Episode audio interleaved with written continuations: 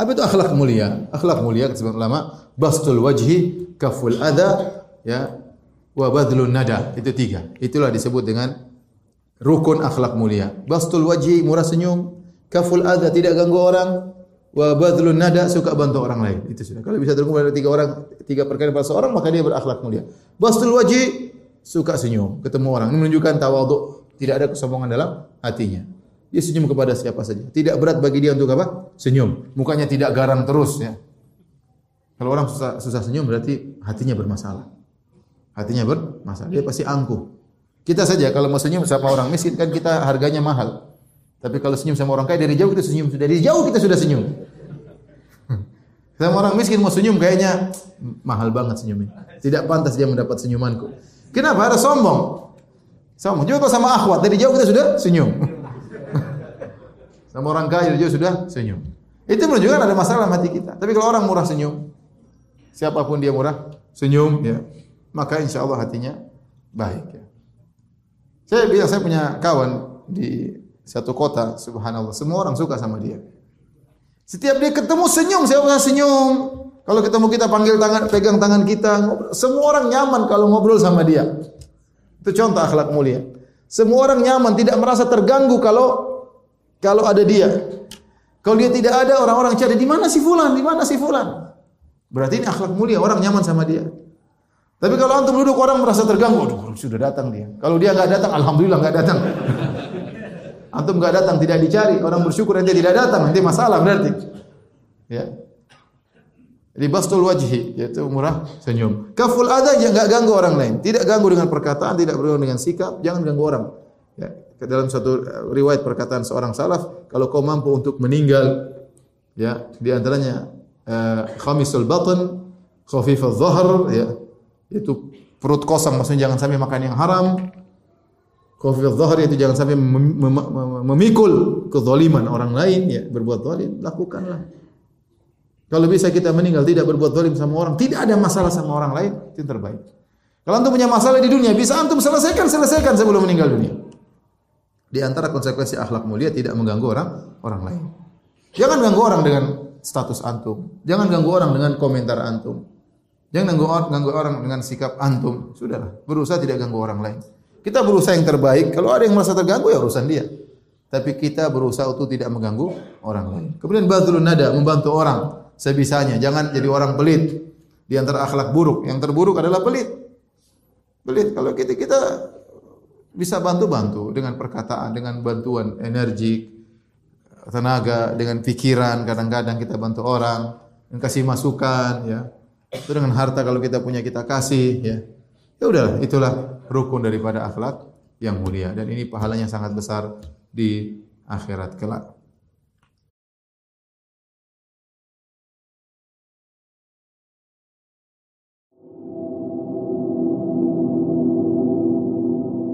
Eh, banyak di antara orang-orang yang tidak menghadirkan perasaan dalam dirinya bahwasanya akhlak itu ibadah ya. Kita ketika kita baca Quran kita merasa kita dapat pahala. Ketika kita sholat kita merasa dapat pahala ya. Ketika umrah dapat merasa dapat pahala. Ketika berhaji kita merasa dapat pahala. Tapi ketika kita berakhlak mulia, ketika kita lembut kepada istri, ketika kita ketika kita nurut kepada suami misalnya, ketika kita uh, mengalah kepada kawan-kawan kita misalnya, ketika kita tawadhu di hadapan pekerja kita misalnya, seakan-akan itu tidak berpahala, seakan-akan itu uh, bukan ibadah ya. Padahal akhlak adalah ibadah yang sangat yang sangat agung. Ya. Uh, karenanya ketika Nabi SAW mengutus seorang sahabat untuk berdakwah, Nabi SAW berkata kepadanya, Ittaqillaha haitsuma kunt. Bertakwalah engkau di mana pun kau berada dan di mana pun kau berada. Kapan pun dan di mana pun kau berada. Kemudian kata Nabi SAW, Wa'atbi sayyatal hasanata mahuha. Maka jika kau melakukan uh, dosa, maka lakukanlah kebaikan, niscaya kebaikan tersebut akan menghapuskan dosa yang kau lakukan. Kemudian di akhirnya kata Nabi SAW, Wa khaliqin nasa bi hasan. Dan bermuamalah kepada manusia dengan akhlak yang baik ya. Uh, padahal kita tahu akhlak bagian daripada takwa, tetapi Nabi mengkhususkan penyebutan akhlak di akhir wasiat Nabi kepada sahabat tersebut. Uh, kata Ibn Rajab, Alhamdulillah rahimahullah, karena banyak orang menyangka bahwasanya hubungan namanya agama itu hanya hubungan seorang dengan dengan Tuhan. Padahal dia berbuat baik kepada sama sesama manusia itu juga adalah agama, itu adalah ibadah yang diperintahkan oleh Allah Subhanahu wa taala. Bahwasanya tatkala kita senyum, tatkala kita maafkan, tatkala kita meredam amarah, ini semua ibadah, ya. ada pahalanya ya, ada ada pahalanya. Tatkala kita tidak terpancing emosi dalam medsos, tidak pancing, terpancing emosi untuk membalas kata-kata buruk orang lain ya. Jangan disangka itu tidak ada pahalanya, ada pahalanya ya. Karena akhlak yang mulia adalah ibadah yang agung di sisi Allah Subhanahu wa taala saya sering sampai kita ini baru merasa dapat pahala kalau kita sedekah, kalau kita uh, apa namanya baca Quran, kita merasa dapat pahala. Kita bangun sholat malam melawan rasa kantuk, kita merasa dapat pahala. Tapi terkadang perasaan tersebut hilang tatkala kita misalnya ngalah sama kawan. Ya. Eh, kita nggak mau ribut sudah ngalah. Padahal itu akhlak yang mulia. Kemudian kita lembut sama istri, seakan-akan ini bukan akhlak yang mulia. Padahal itu akhlak dan itu pahalanya besar seorang istri yang kemudian uh, mengerti dengan kondisi suaminya, seorang istri yang tadinya dia mau marah sama su istri, suaminya, kemudian dia mau angkat suaranya, dia rendahkan. Maka hadirkanlah dalam diri kita, dalam diri antum, dalam diri antuna, ya, baik suami maupun istri. Tatkala kita berbuat baik kepada pasangan kita, itu ada pahalanya. Argo pahala berjalan. Argo pahala ber, berjalan. Jangan kita menyangka pahala cuma kalau baca Quran, ya. Maka hati-hati dalam bertutur kata hati-hati dalam menulis status, hati dalam komentar, hati dalam ketika berbicara, hati dalam bersikap. Ya ini semua uh, adalah akhlak yang mulia dan diperhatikan oleh syariat Islam.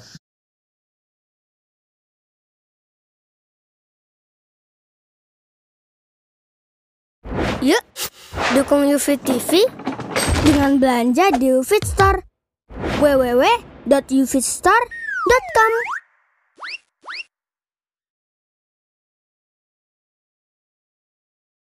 Tentunya tadi kata Allah wala tansawul fadla bainakum. Janganlah kalian melupakan atau jangan kalian meninggalkan sikap yang terbaik bagi pasangan. Ya. Rasulullah SAW bersabda, khairukum khairukum li ahlihi wa ana khairukum li ahli. Seorang harus ingat betul hadis ini. Sebaik-baik kalian di sisi Allah adalah yang terbaik bagi istrinya. Jadi sikap yang terbaik bagi istri itu akhlak yang mulia. Akhlak yang mulia. Rasulullah SAW mengatakan akrabukum minni majlisan yaumal qiyamati ahasinukum akhlaqa. Orang yang paling dekat kedudukannya pada hari kiamat di sisiku adalah yang paling terbaik akhlaknya.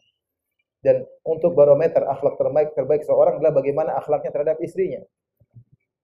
Kalau ingin tahu kita akhlaknya baik atau tidak, lihat bagaimana akhlak kita terhadap istri. Ya. Justru kalau kita murah senyum sama orang, maka dengan istri harus lebih utama, lebih murah senyum. Kalau kita berkata-kata dengan orang lain, menjaga kata-kata kita, tidak menyakiti teman hati teman kita, maka istri lebih utama. Ya. Kalau kita betah untuk ngobrol dengan teman, maka harusnya dengan istri lebih betah lagi untuk apa? Ngobrol, curhat, e, bercengkrama, harus lebih utama. Ya. Demikian juga sebaliknya. Istri pun demikian. Tatkala berkata-kata dengan suami harus milih-milih kata-kata yang menyenangkan hati suaminya. Tidak semua perkataan kita keluarkan. Kita tahu kalau kita ngomong gini istri kita tersinggung ya, jangan diomongin lagi. Jangan diomongin lagi. Ya, jadi saya nasihatkan kepada keduanya, baik suami atau istri, ingat ya, suami yang terbaik bahkan lelaki yang terbaik di sisi Allah yang terbaik bagi istrinya. Dan istri wanita yang terbaik di sisi Allah adalah yang terbaik bagi suaminya. Karena kata Rasulullah SAW kepada seorang wanita, ya, aina anti minhu fa innahu jannatuki au naruki. Bagaimana kedudukanmu di sisi suamimu? Sungguhnya suami itu adalah surgamu atau nerakamu. Ini menunjukkan suami sangat penentu bagi istrinya dalam masuk neraka atau dalam masuk surga. Kalau suaminya ridho kepada istrinya, insya Allah istrinya akan masuk surga. Jadi jaga lisan, jaga kata-kata. Sebagaimana sang istri kalau hendak berbicara dengan ayah dan ibunya dia pilih kata-kata, maka demikian juga tatkala dia berbicara dengan suaminya. Kalau orang tuanya masih hidup, maka dia disuruh berbakti kepada ayah dan ibunya. Apalagi kalau orang tuanya sudah meninggal, maka dia sangat terkhususkan diperintahkan untuk berbakti kepada suaminya. Ya, jadi berbakti kepada suami ini adalah perkara yang wajib bagi istri, maka hendaklah pilih kata-kata ya, berkata-kata yang baik dengan istri dan demikian juga suami terhadap istri.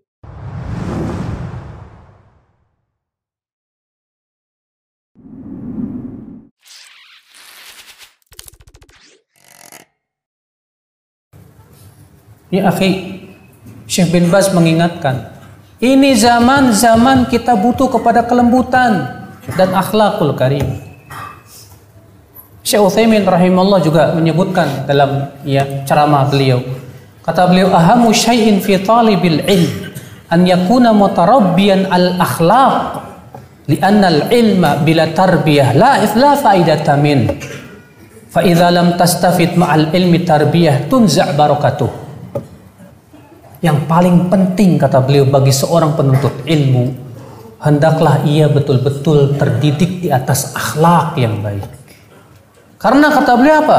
Ilmu tanpa pendidikan akhlak tidak ada manfaatnya. Maka kalau ternyata ilmu tidak menimbulkan tarbiyah akhlak yang baik, Allah cabut keberkahan ilmu tersebut ya Allah. Dan ucapan-ucapan para ulama besar ini, Pak, mereka ambil dari miskah, dari cahaya kenabian. Nabi Shallallahu Alaihi Wasallam ketika mengabarkan di zaman penuh fitnah, malah Nabi menekankan masalah akhlak, masya Allah. Ketika Nabi mengabarkan akan munculnya fitnah-fitnah yang bergelombang tersebut, ternyata Nabi menekankan hendaklah ia mendatangi manusia sebagaimana ia suka untuk didatangi dengannya. Subhanallah. Maka setiap kita harus introspeksi diri ya akhi. Bagaimana akhlak kita? Jangan Anda berkata saya akhlaknya sudah baik.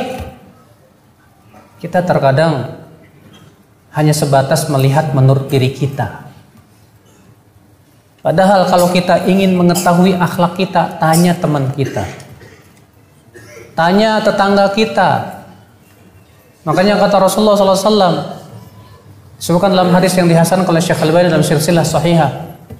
Nabi Shallallahu Alaihi Wasallam sabda apa? Ya, Ida asna isna ida isna ida ida kana al-qaum asnau alaihi khairan apabila suatu kaum memuji seseorang dengan kebaikan maka dia di atas kebaikan tapi sebaliknya kalau suatu kaum memuji dia di atas keburukan, maka dia di atas keburukan. Artinya yang memuji ini tentunya bukan kaum yang kaum yang apa tidak punya agama ya. Maksudnya yang memuji ini orang-orang kaum yang saleh. Tanya ke tetangga kita bagaimana akhlak kita selama ini. Tanya ke teman-teman akrab kita bagaimana akhlak kita selama ini. Tanya ke istri kita yang terdekat dalam hidup kita bagaimana akhlak kita selama ini.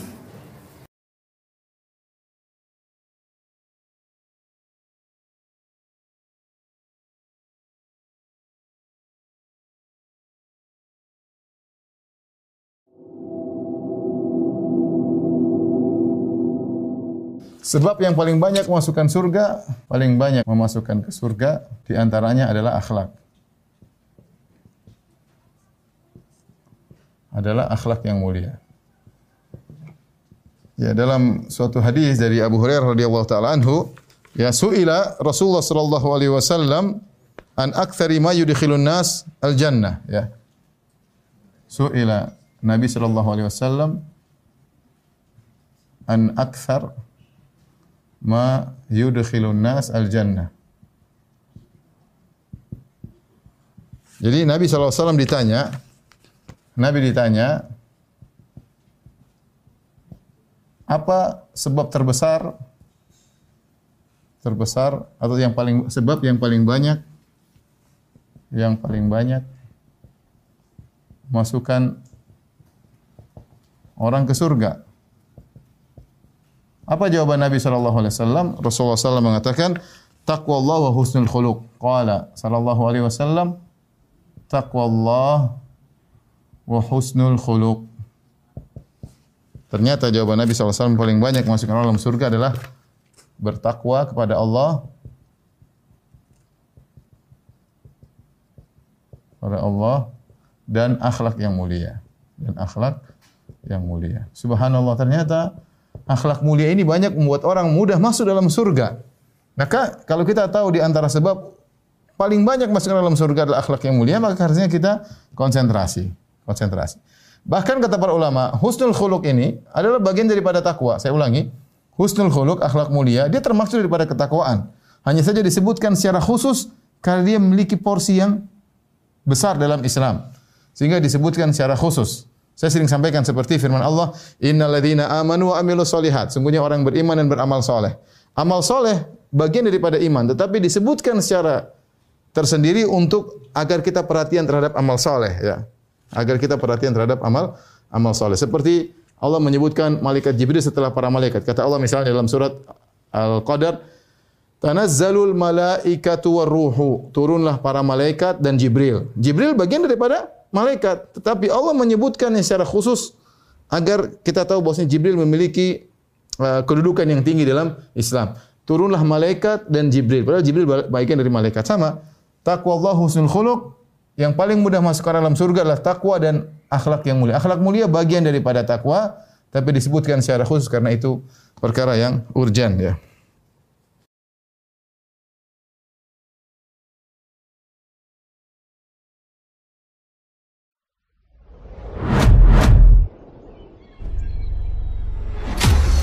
Ustaz, bagaimana cara melatih akhlak yang mulia?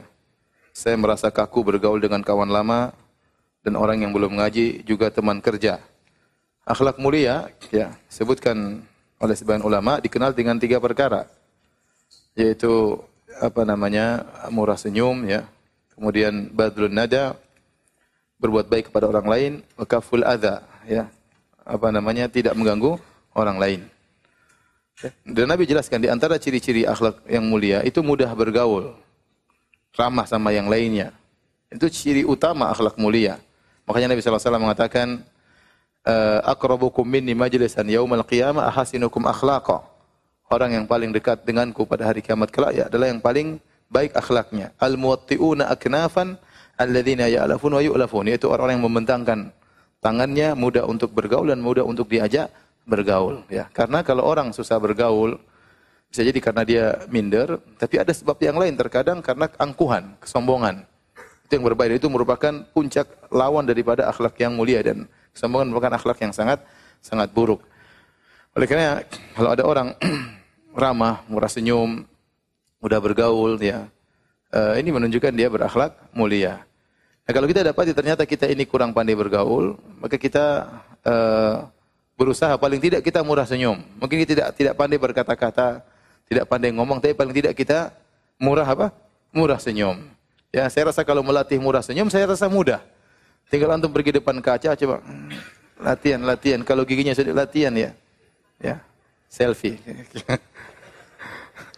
Itu perlu latihan ya. Kalau wajah kelihatan abus apa namanya sangar ya, muram dan yang lainnya. Itu kurang bagus ya dan berdoa kepada Allah yang paling utama, Allahumma ahsanta khalqi fahasin khuluqi.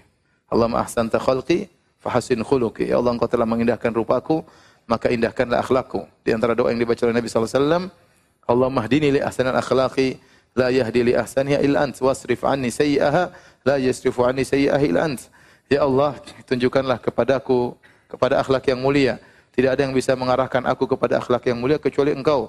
Jauhkanlah aku dari akhlak yang buruk tidak ada yang menjauhkan aku dari akhlak yang buruk, menghindarkan aku dari akhlak yang buruk kecuali engkau. Ya. Dan akhlak yang buruk itu, akhlak yang baik itu bisa dua model. Pertama dari sananya, yang kedua diusahakan. Ya. Pertama dari sananya, yang kedua diusahakan. Oleh karenanya tatkala Nabi berkata kepada Al-Ashaj ya, dia mengatakan kata Rasulullah SAW, "Inna fika khoslatain yuhibbahum Allah." Wahai fulan, engkau memiliki dua akhlak yang Allah ya mencintai dua perangnya tersebut.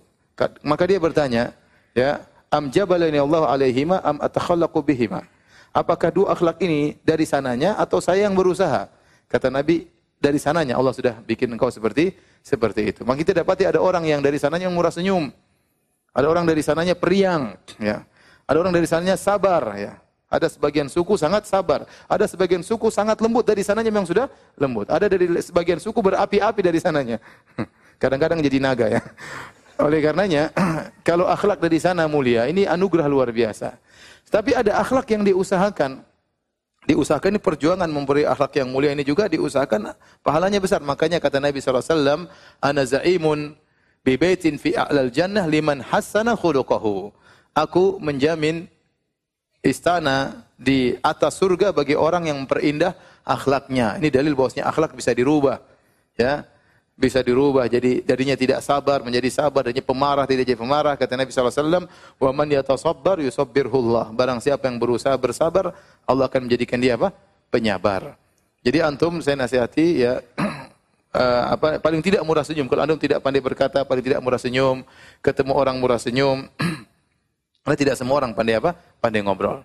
Tapi paling tidak senyum memilih kata-kata. Kalau ngomong kata-kata yang yang baik ya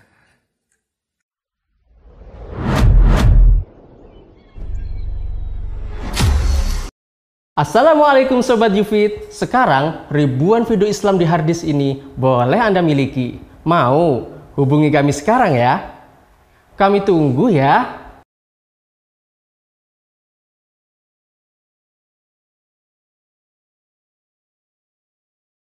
Assalamualaikum warahmatullahi wabarakatuh.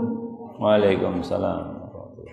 Yang saya tanyakan Ustaz, seperti pada masa sekarang terutama kita menerapkan akhlak dalam kehidupan sehari-hari rasanya seperti karena kondisi lingkungan dan juga teladan para pemimpin yang akhlaknya seperti itu. Nah, bagaimana untuk menerapkan akhlak terutama yaitu kepada anak-anak kita. Terima kasih. Ya. Tadi kita sebutkan akhlak ini berakhlak mulia di dalam kehidupan kita sehari-hari itu adalah i, ibadah. Maka ketika kita berakhlak mulia, ikhlaslah di dalam berakhlak. Wala tamnun tastaktir. Janganlah kamu memberi untuk mengharapkan balasan yang lebih banyak. Kalau kita berakhlak, kadang-kadang ada ada udang di balik batu, ya, ada tendensi tertentu kan gitu. Ingin agar diperlakukan baik juga. Ya, mungkin ketika kita mendapatkan perlakuan buruk, berhenti akhlak yang mulia itu. Ah, sudahlah, kayak gini ceritanya. Lalu dia balas apa? Keburukan dengan ke keburukan. Maka perlu ikhlas di dalam berakhlak yang mulia ini. Ikhlas. Seperti yang saya katakan tadi, kadang-kadang kita sudah berniat baik kepada orang, tapi ditanggapi apa? Ditanggapi buruk. Nah itu wajar ikhwanifiddin ma'asyiral muslimin rahimani wa rahimakumullah jami'an ya. Tidak semua orang mampu menerjemahkan apa yang ada di dalam hati kita. Ya. Nah, jadi ikhlaslah di dalam berakhlak mulia. Jangan mengharapkan balasan yang lebih besar daripada orang lain agar diperlukan lebih sopan oleh orang lain, agar dihormati oleh orang lain dan lain sebagainya. Ya, wala tamnun tastaksir, ikhlas saja. Dan berakhlak mulia itu jangan nunggu orang lain. Ah, nunggu nah. Baik enggak dia? Kalau baik saya baik juga, kalau enggak enggak. ya kapan kita berakhlak mulia kalau kayak gitu kan gitu ya, nunggu orang lain. Ya, ya sebagaimana ibadah, apa nunggu orang sholat baru kita sholat? Ah, lihat dulu, sholat enggak ya? Lihat si fulan sholat nggak? Oh nggak keluar dia, berarti nggak sholat, nggak sholat juga. Ya, kapan kita sholat kalau seperti itu pak ya? Nah, jadi jangan tunggu orang lain. Ya, kita yang membutuhkan akhlak itu, bukan orang lain. Kita yang perlu akhlak itu, orang lain mungkin dia nggak merasa perlu dengan akhlak kita, lalu dia balas dengan keburukan, kan begitu? Boleh jadi. Jadi yang perlu akhlak yang mulia itu bukan orang lain tapi diri kita. Maka ikhlaslah di dalam berakhlak yang mulia ini. Jangan harapkan balasan yang lebih dari orang. Ya berakhlak mulia supaya dihormati, supaya didapat sebutan dan lain sebagainya. Ya, ini namanya kurang ikhlas atau tidak ikhlas. Ya, wallahu a'lam bissawab. Nah demikian saja ya Khonifuddin. Assalamualaikum Sobat Yufit. Sekarang ribuan video Islam di harddisk ini boleh Anda miliki. Mau? Hubungi kami sekarang ya? Kami tunggu ya.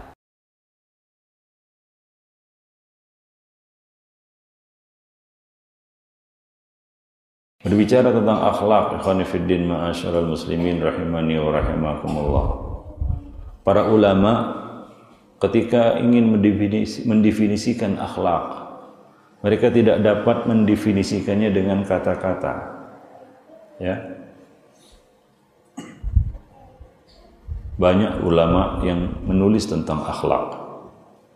Yang terkenal mungkin Al-Imam Al-Ghazali di dalam Ihya Ulumuddin atau ulama-ulama lainnya, Yusuf bin Asbat, Ibn Sa'di, Ibn Taimiyah, Ibn Al-Qayyim, sebutlah banyak ulama-ulama yang menulis tentang akhlak. Ketika mereka berusaha untuk mendefinisikan akhlak, mereka tidak dapat mendefinisikannya dengan kata-kata. Seperti ibadah, definisi ibadah adalah uh, ismun jami'un likulli ma yuhibbullah wa yarda min al-aqwal wal af'al adh-dhahirah wal batinah dapat dideskripsikan dapat didefinisikan tapi kalau akhlak ketika berbicara tentang akhlak menjelaskan tentang akhlak mereka tidak dapat mendefinisikannya dengan kata-kata mereka hanya bisa menyebutkan contoh-contoh akhlak. Contoh akhlak. Ya, akhlak yang mulia itu adalah begini, begini, begini, begini. Yaitu menyebutkan satu persatu akhlak-akhlak yang mulia itu. Karena akhlak ini adalah keteladanan, sesuatu yang dirasakan, dilihat langsung. Ya, bukan sesuatu yang apa? teoritis Akhwanifidin, ya, bukan sesuatu yang teoritis. Oleh sebab itu mempelajari akhlak adalah mempelajari sesuatu yang sangat susah. Pelajaran yang paling susah adalah pelajaran akhlak. Maka dari itu para ulama dahulu seperti Ibnu Mubarak beliau menuntut ilmu 50 tahun. 30 tahun dihabiskan untuk mempelajari akhlak. 20 tahun ilmu-ilmu yang lainnya. Ini menunjukkan bahwa perhatian mereka kepada masalah akhlak sangat besar. Ya, dan bahwa ini adalah satu pelajaran hidup yang sangat susah. Susahnya bukanlah kita dengarkan, tidak. Susahnya adalah ketika kita ingin mengaplikasikannya di dalam kehidupan perlu perjuangan untuk meraih akhlak yang yang mulia. Perlu perjuangan, perlu proses. Karena kita hadir di dunia ini dengan membawa dua sifat yang itu pasti ada pada semua manusia, yaitu zaluman jahula. Kita penuh dengan kezaliman, kita penuh dengan kejahilan. Maka untuk membersihkan dua sifat buruk ini kita memerlukan proses yang panjang. Maka dari itu Nabi mengatakan innamal hilmu bitahallum. Sesungguhnya kesantunan, akhlak yang mulia itu hanya dapat diraih dengan tahallum, dengan belajar, dengan mempelajarinya. Jadi akhlak ini perlu juga dipelajari dan perlu dilatih Orang yang tidak peduli dengan akhlaknya, dia tidak akan dapat mengetahui kekurangan dirinya. Mungkin dia merasa berada di atas akhlak yang mulia, padahal masih jauh panggang dari api, istilahnya. Yaitu dia masih jauh dari akhlak yang mulia.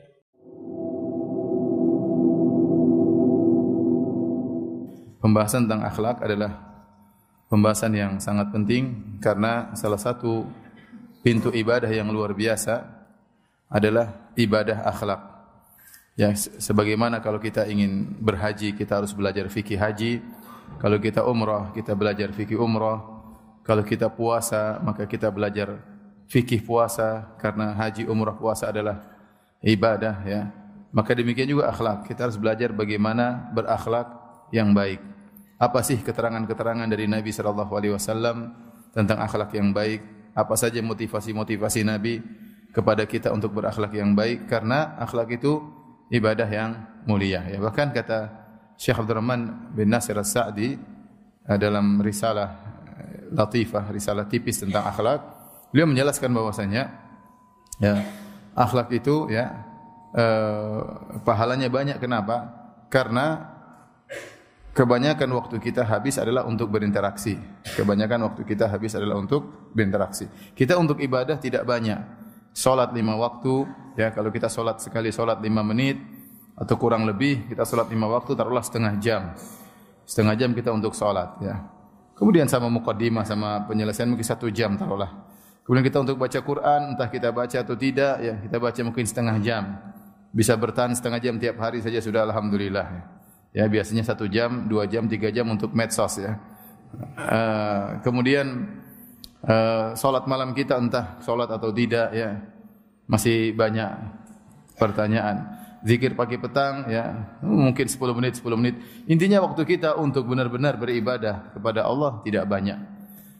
Kebanyakan waktu kita untuk berinteraksi interaksi dengan anak interaksi dengan istri interaksi dengan atasan interaksi dengan uh, tetangga interaksi dengan kawan interaksi dengan supir dengan pembantu dan yang lainnya nah dalam interaksi ini kalau seorang ternyata berakhlak mulia maka argo pahalanya jalan terus argo pahalanya jalan jalan terus ya karena akhlak mulia adalah ibadah yang agung.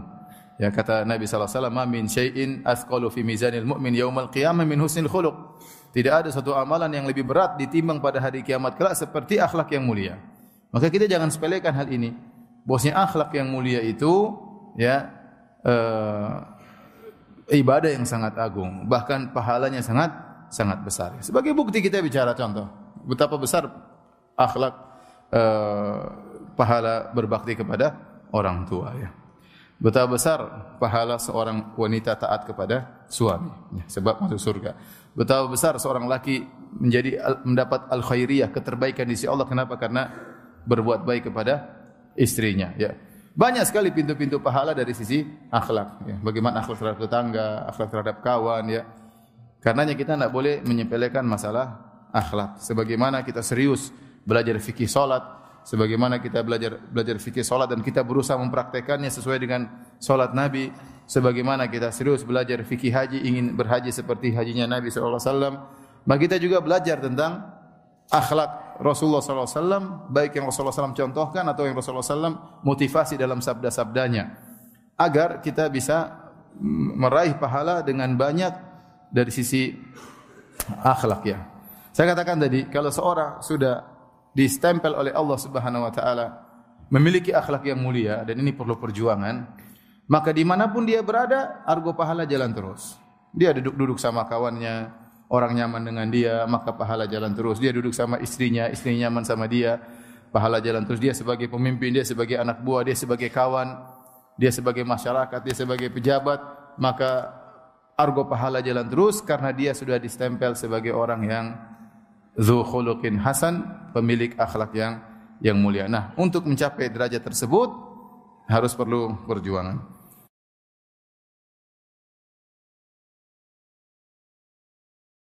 Donasi dakwah Yufid. Yuk berikan amal jariah terbaik Anda untuk dakwah dan pendidikan Islam.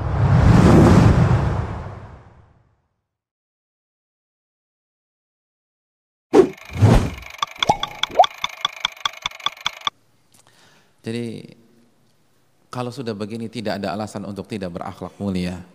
Ingat, akhlak yang mulia adalah prinsip ahlu sunnah wal jamaah. Prinsip dari salafiyah, manhaj salaf.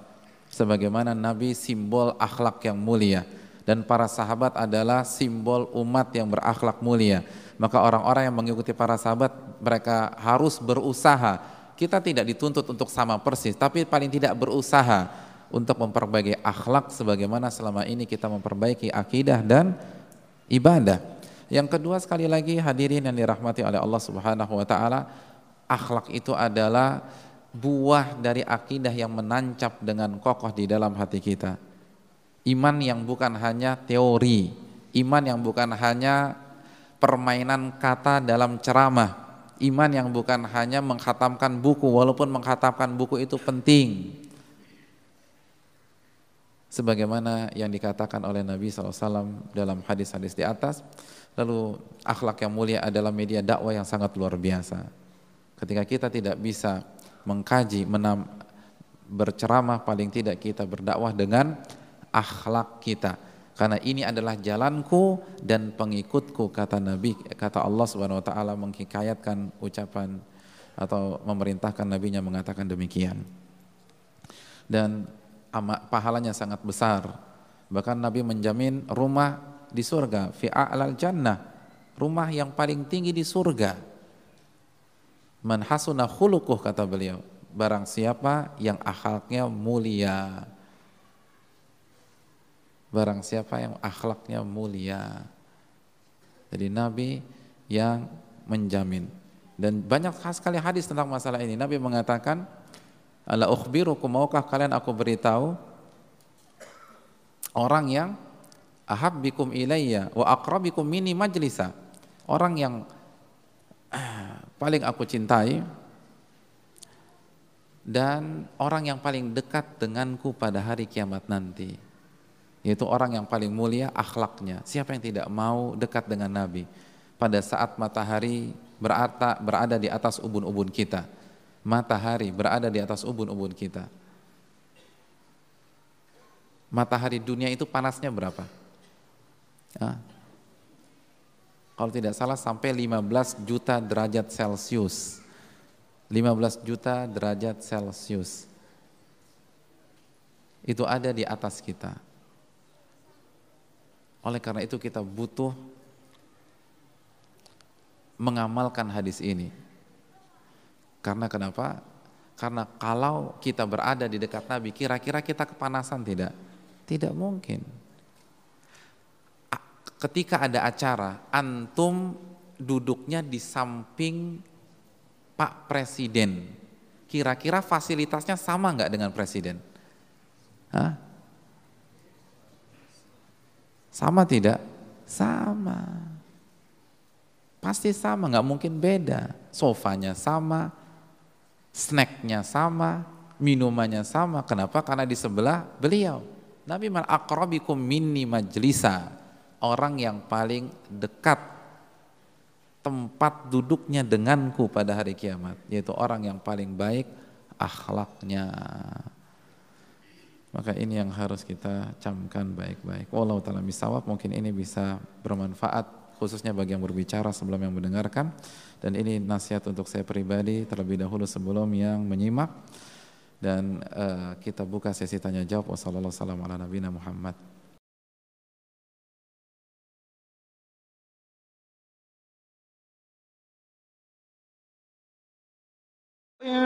تنصروا الله ينصركم ويثبت أقدامكم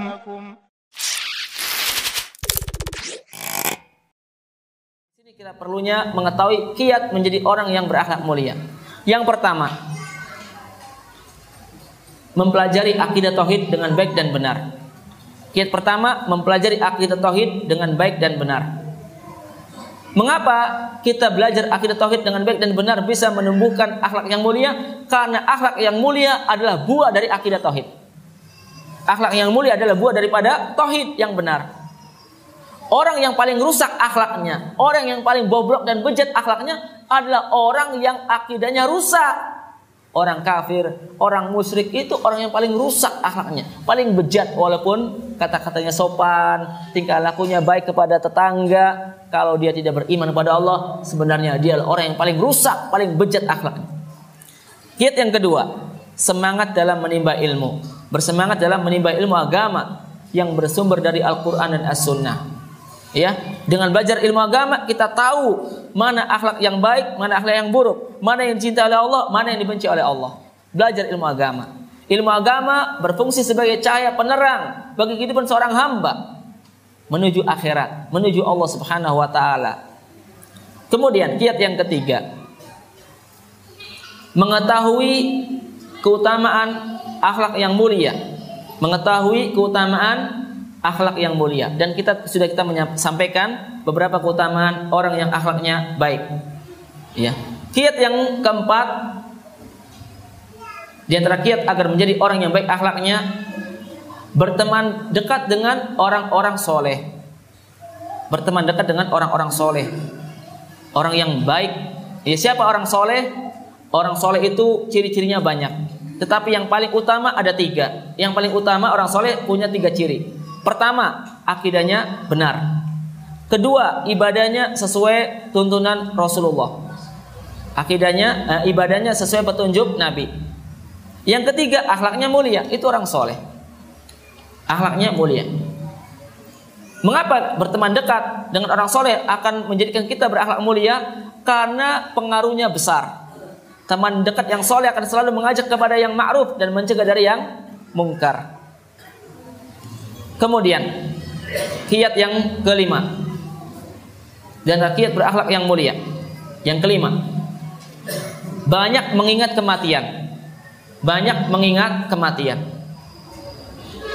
Ya, karena ini bisa melunakkan hati kita, membuat kita tidak sombong dengan kekayaan kita, tidak sombong dengan kedudukan kita, tidak sombong dengan ilmu kita, tidak sombong dengan popularitas atau banyaknya pengikut.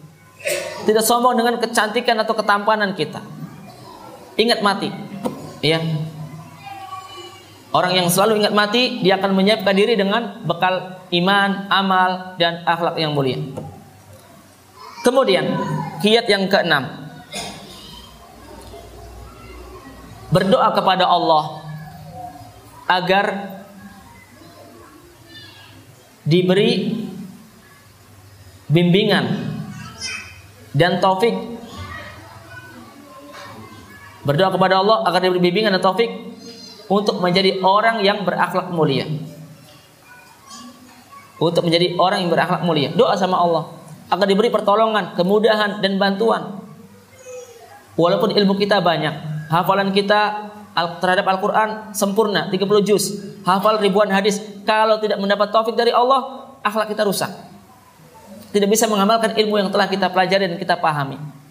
Minta sama Allah agar ilmu bermanfaat sehingga kita mampu mengamalkan ilmu. Mengisi diri dengan akhlakul karimah. Ya.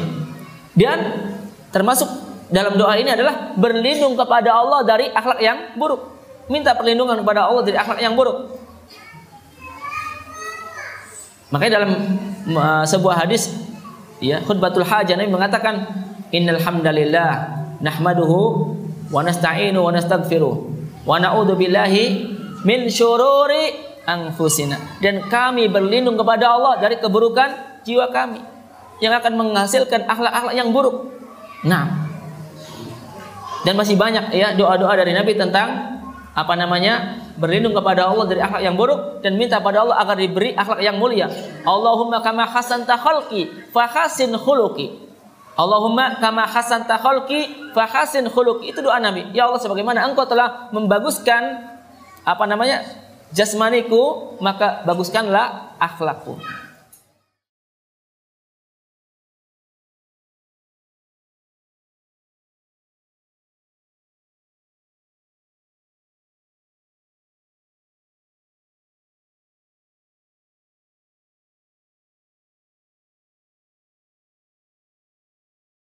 Di Arab Saudi kejadian seorang anak dan ini masuk koran pada waktu itu nyata kejadiannya. Seorang anak di penjara gara-gara ingin berbakti kepada kedua orang tua. Kok bisa? Perhatikan baik-baik. Sang bapak punya hutang hutangnya bapak tersebut sekitar 630 ribu real. 630 ribu real kali 3 ribu rupiah. Sekitar miliaran itu. Maka Bapak Ibu saudara-saudari yang dimuliakan oleh Allah Subhanahu wa taala kata sang anak bebaskan bapak saya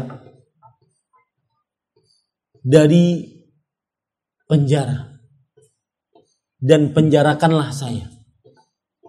Saya yang menanggung seluruh hutang bapak saya. Dan bapaknya pun meninggal, anaknya pun akhirnya masuk ke dalam penjara. Ketika di pengadilan, sang hakim mengatakan, kamu punya berapa untuk bayar hutang bapakmu? Hutang bapakmu sebanyak 630 ribu rial Kata dia, saya cuma punya punya duit sepuluh ribu. Kata sang hakim, kamu jangan main-main. Hutang bapakmu 620 ribu real. Kalau kamu bayar, maka berarti sisa 620 ribu real. Maka apa yang terjadi? Biarkan saya bekerja, kata beliau. Kata hakim, silahkan kamu bekerja. Saya beri waktu kamu tiga bulan untuk bekerja. Agar bisa melunasi hutang bapak-bapakmu. Hutang bapakmu. Maka apa yang terjadi bapak ibu saudara saudari yang dimuliakan oleh Allah subhanahu wa ta'ala. Sang anak tersebut pun terperanjat. Wahai hakim. Saya mendapatkan sepuluh ribu itu bekerja selama sepuluh tahun bagaimana saya dapat 620 ribu dengan dua tiga bulan. Akhirnya kata sang hakim bekerja. Itu urusanmu. Bekerjalah dia. Diceritakan dalam bekerja tersebut dia tidak lepas dari istighfar. Selama tiga bulan dia bekerja sambil terus beristighfar dia dapat 20 ribu. Luar biasa nggak? Yang tadi dapat 10 ribu real dalam 10 tahun. Du, tiga bulan dapat 20 ribu. Ini pelajaran menarik. Jangan lupa untuk banyak-banyak beristighfar. Kemudian, ketika di pengadilan sang hakim, sang hakim mengatakan, kamu dapat berapa? Cuma dapat 20 ribu real. Kamu jangan main-main. Bapakmu berarti masih hutang 600 ribu real. Maka sang anak mengatakan, penjarakan saya. Saya berani menebus hutang bapak saya dengan penjara asalkan ruh bapak saya diterima oleh Allah Subhanahu wa taala.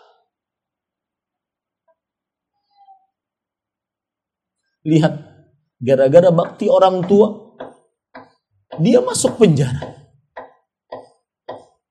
Demi untuk menggembirakan orang tua. penjarakan saya. Maka berita itu pun terdengar oleh saudagar-saudagar kaya di Arab Saudi. Dan subhanallah. Begitulah janji Allah subhanahu wa ta'ala kepada hambanya. Allah subhanahu wa ta'ala berfirman di dalam surat At-Talaq. Wa man yattaqillah yaj'al lahu makhraja wa yarzuquhu min haitsu la. Barang siapa yang bertakwa kepada Allah, Allah Subhanahu wa taala akan memberikan jalan keluar untuk dan memberikan rezeki yang dia tidak sangka-sangka. Berita tersebut terkenal di Arab Saudi. Para saudagar Arab Saudi berbondong-bondong untuk menolong anak tersebut agar keluar dari penjara gara-gara ingin berbakti kepada kedua orang tuanya. Sang hakim mengatakan, wahai fulan, ini ada cek 600 ribu dari orang-orang muhsinin untuk engkau agar hutang orang tua lunas. Bapak ibu saudara saudari yang dimuliakan oleh Allah. Di sini kadang-kadang yang disebutkan oleh Rasulullah SAW, dalam berbakti kepada kedua orang tuamu berjihadlah. Berjihad berbakti kepada orang tua lebih bisa mengalahkan berjihad dengan mengangkat senjata yang Allah Subhanahu wa senjata di jalan Allah Subhanahu wa taala. Kemudian Bapak Ibu saudara-saudari yang dimuliakan oleh Allah Subhanahu wa taala termasuk berbakti kepada kedua orang tua adalah menyebutkan lihat baik-baik kebaikan-kebaikan yang pernah dilakukan oleh orang tua kepada kita. Apa maksudnya? Anda ingin bakti kepada orang tua, tidak ingin durhaka kepada orang tua, maka sebutkan kebaikan-kebaikan yang pernah mereka lakukan. Pernahkah Anda mengatakan kepada ibu Anda, "Ibu, Jazakillahu khairan yang telah susah payah mengandung saya.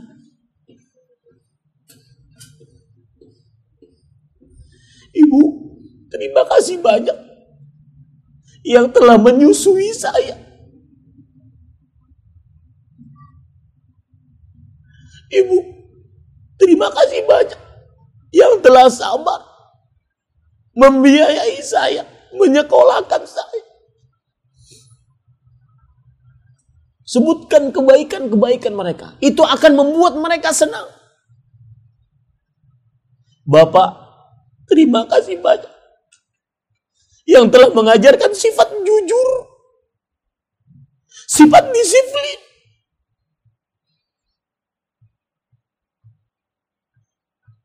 Sebutkan kebaikan-kebaikan mereka. Pak, terima kasih banyak telah menyekolahkan saya ke pesantren. Terima kasih banyak. Jazakallahu khairan. Atas apa yang Bapak pernah perbuat untuk saya. Sebutkan itu jangan malu di hadapan orang tua. Sebagian anak mengakui kebaikan orang tua sangat malu. Lihat Bapak Ibu saudara-saudari yang dimuliakan oleh Allah Subhanahu wa taala. Dalil yang menunjukkan akan hal ini adalah cerita Abu Hurairah yang diriwayatkan oleh Imam Bukhari di dalam kitab Al-Adabul Mufrad. Ketika Abu Hurairah pulang ke rumah ibunya, beliau mengucapkan salam, Assalamu alaiki ya ummah. Semoga keselamatan atas engkau wahai ibuku. Kemudian sang ibu menjawab wa warahmatullahi wabarakatuh. Dan semoga keselamatan atas engkau wahai anakku Abu Hurairah radhiyallahu anhu. Kemudian Sang Abu Hurairah mengatakan, Rahimakillah kama rabbaitani sagiran. Wahai ibu, semoga Allah merahmati engkau. Sebagaimana engkau telah mengurusku tatkala kecil. Tidak bosan-bosan mencebokiku tatkala kecil. Menggendongku. Kadang-kadang Kasur yang paling empuk bagi seorang anak adalah pangkuan ibunya dibandingkan kasur itu sendiri. Jazakillah khairan. Kadang-kadang sang ibu cerita bahwasanya engkau wahai fulan anakku tatkala kecil setiap malam engkau sulit tidur meletakkanmu di atas kasur seperti meletakkan emas saking sulitnya tidur. Sedikit saja salah langsung bangun dan teriak habis-habisan. Sebutkan itu. Sebutkan itu di hadapan ibu kita. Jazakillah khairan ibu. Yang telah sabar menggendongku meletakkanku sampai tidur. Bahkan kadang-kadang tidak malam semalam tidak tidur semalaman. Suntuk sebutkan jasa-jasa mereka sebutkan. Itu salah satu cara berbakti kepada kedua orang tua.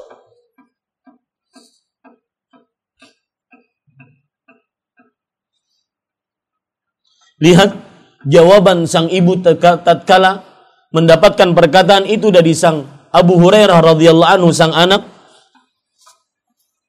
maka ibunya menjawab ya bunayya wa anta fajazakallahu khairan wa radhiya anka kama barartani kabirun Wahai anakku sayang, semoga engkau mendapatkan pahala yang berlipat lebih baik dari Allah Subhanahu wa taala. Dan semoga Allah meridhai engkau. Lihat. Nikmat apa yang lebih besar dibandingkan ini? Orang tua kita mendoakan kita agar mendapatkan ridha Allah. Tidak wallahi. Wallahi semua kekayaan kalah dengan doa ini. Kemudian perkataan yang sangat luar biasa dari sang ibu. Kama barartani kabirat. Sebagaimana engkau telah berbakti kepadaku ketika engkau besar menunjukkan cara berbakti kepada kedua orang tua adalah sebutkan sebutkan jasa-jasa mereka. Sebutkan jasa-jasa mereka di hadapan mereka agar mereka senang, agar mereka mendoakan kebaikan untuk kita, agar mereka merasa kita berbakti kepada mereka. Ini Bapak Ibu saudara-saudari yang dimuliakan oleh Allah Subhanahu wa taala.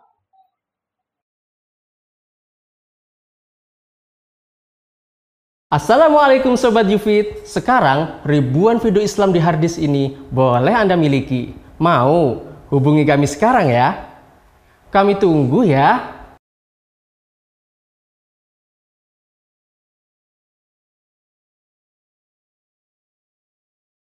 Apa resep Nabawi? Bagaimana perintah Allah Subhanahu wa taala ketika kita berhadapan dengan orang yang jahil? Ada beberapa kemungkinan. Yang pertama kita lepas kontrol. Ya. Hilang kesabaran hingga kita akan menjadi jahil juga seperti dirinya. Diladeni, Pak. Ya. Nah, ujung-ujungnya itu kan tengkar, debat kusir kan begitu ya. Akhirnya kata-kata kita tidak terkontrol, ya mimik dan gerak tubuh kita juga nggak terkontrol. Boleh jadi ujung-ujungnya berkelahi, baku, baku hantam, kan begitu. Nah, Allah Subhanahu Wa Taala mengatakan di dalam kitabnya, khudil afwa, wa'mur bil urfi, wa'arid anil jahilin.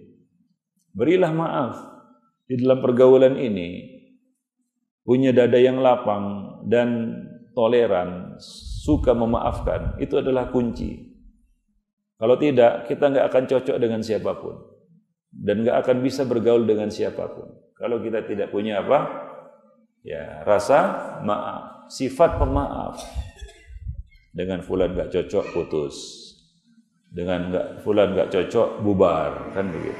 Jika nggak ada satu orang pun yang bisa kita jadikan sahabat. Karena kalau kita lihat kekurangan manusia, pasti kita temukan Ya, pasti kita temukan. Kalaulah ukurannya seperti itu, maka tidak akan ada siapa pun yang dapat memuaskan diri kita. Kalau kita lihat kekurangan, ah, ini kurang uang, ini kurang, akhirnya nggak ada temannya. Ya wajarlah manusia ada kekurangannya. Maka kita harus dapat toleran. Artinya apa? Memaklumi, memahami manusia. Karena nggak mungkin pak, ya kita menjadikan manusia ini satu karakter. Gak bisa. Karena fitrahnya memang sunnatullah. Allah menciptakan banyak karakter. Yang berbeda-beda satu sama lainnya. Sahabat-sahabat Nabi saja itu memiliki karakter-karakter yang berbeda. Ya. Tapi mereka dipertemukan dengan apa? Dengan Islam. Fa'asbahtum bi ni'matihi ikhwana. Dengan karakter-karakter yang berbeda itu Nabi Shallallahu Alaihi Wasallam menyatukan hati mereka. Kuncinya apa? Bisa memahami, bisa memaklumi. Jadi kalau kita beda karakter dengan sahabat kita, ya maklumi. Gak mungkin kita, ah, saya nggak cocok dengan karakter ini. Mana ada manusia yang cocok 100% karakternya? Gak ada. Coba carikan di atas muka bumi ini dua manusia yang cocok karakternya 100%. Gak ada. Saya jamin nggak ada. Sebagaimana nggak adanya garis tangan ini yang sama. Ada yang sama, nggak ada yang sama. Ya, berbeda-beda satu sama lainnya. Bahkan si kembar saja itu kembar yang kata orang seperti pinang dibelah dua. Nyaris tidak ada beda. Itu aja kadang-kadang tengkar, ada ketidakcocokan. Apalagi kita yang nggak kembar kan begitu. Kita kan nggak kembar, banyaklah perbedaan-perbedaan yang terjadi di dalam pergaulan. Ya wajar. Kuncinya apa? Khudil maklumi. Karena kalau kita tidak bisa memaklumi orang, kita nggak akan bisa bergaul dengan siapa pun. Itu yang pertama. Yang kedua apa? Wa'mur bil urfi. Suruhlah manusia untuk berbuat ma'ruf. Nasihati. Kalau ada kawan kita yang salah, nasihati. Ya, jangan justru apa? Dijatuhkan.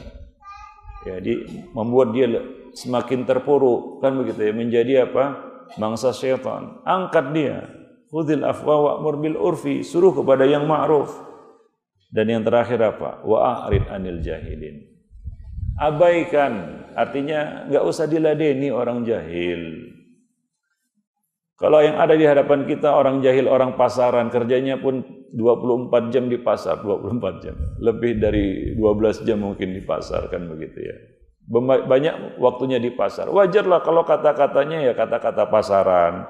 Kadang-kadang sikapnya kurang sopan kan begitu ya. Ya kadang-kadang bicara seenaknya kepada kita kan begitu ya. Eh, maklumlah orang pasaran. Maka bagaimana? Atau supir angkot kan begitu. 24 jam apa hampir 12 jam di jalan raya bayangkan itu. Ya. Maka bagaimana menghadapi orang-orang seperti ini? I'rad Wa'rid anil jahilin. Enggak usah diladeni. Ya. Dalam ayat yang lain Allah mengatakan Salamun alaikum la nabtagil jahilin. Katakanlah selamat. Salam. Assalamualaikum selesai. Kami tidak menghendaki orang yang jahil. Kami tidak meladeni orang yang jahil. Wa idza khatabahumul jahiluna qalu salama. Jika diajak debat oleh orang-orang yang jahil dia katakan salama. Selamat, selamat tinggal kan begitu ya. Yaitu salam. Abaikan. Ya. Tinggalkan, gak usah diladeni. Karena kalau kita ladeni orang jahil ini, kita akan menjadi jahil seperti dirinya.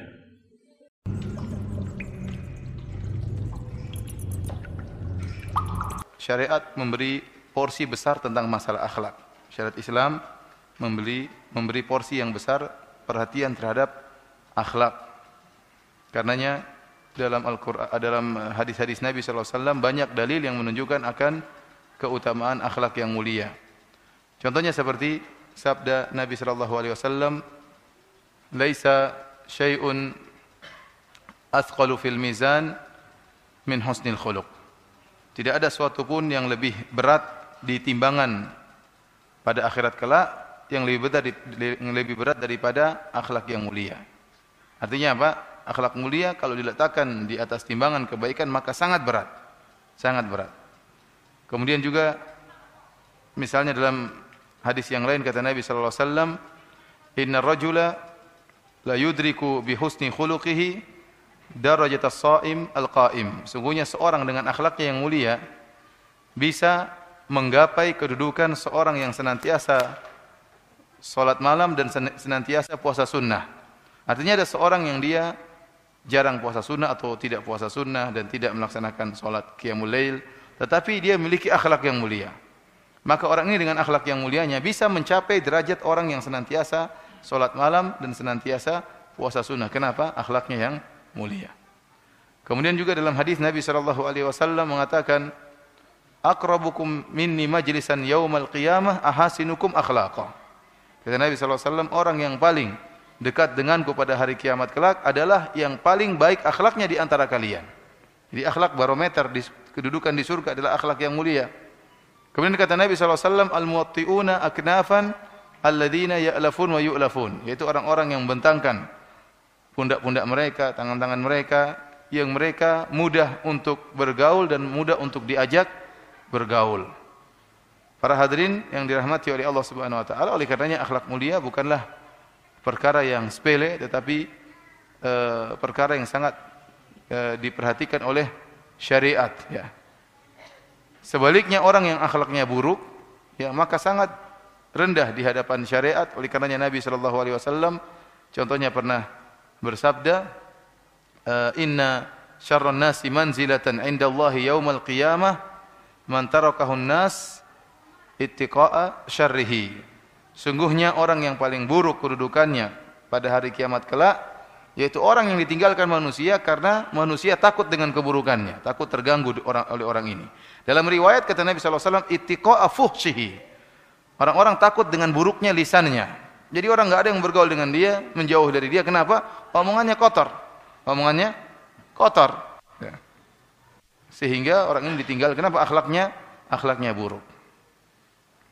Para hadirin dan hadirat yang rahmati Subhanahu wa taala dan merupakan ciri ciri khas dakwah ahlu sunnah wal jamaah adalah dakwah yang perhatikan dua perkara yaitu masalah tauhid dan masalah akhlak. Ini dua perkara yang harus mendapatkan porsi besar dalam dakwah dan merupakan ciri khas dari ahlu sunnah wal jamaah.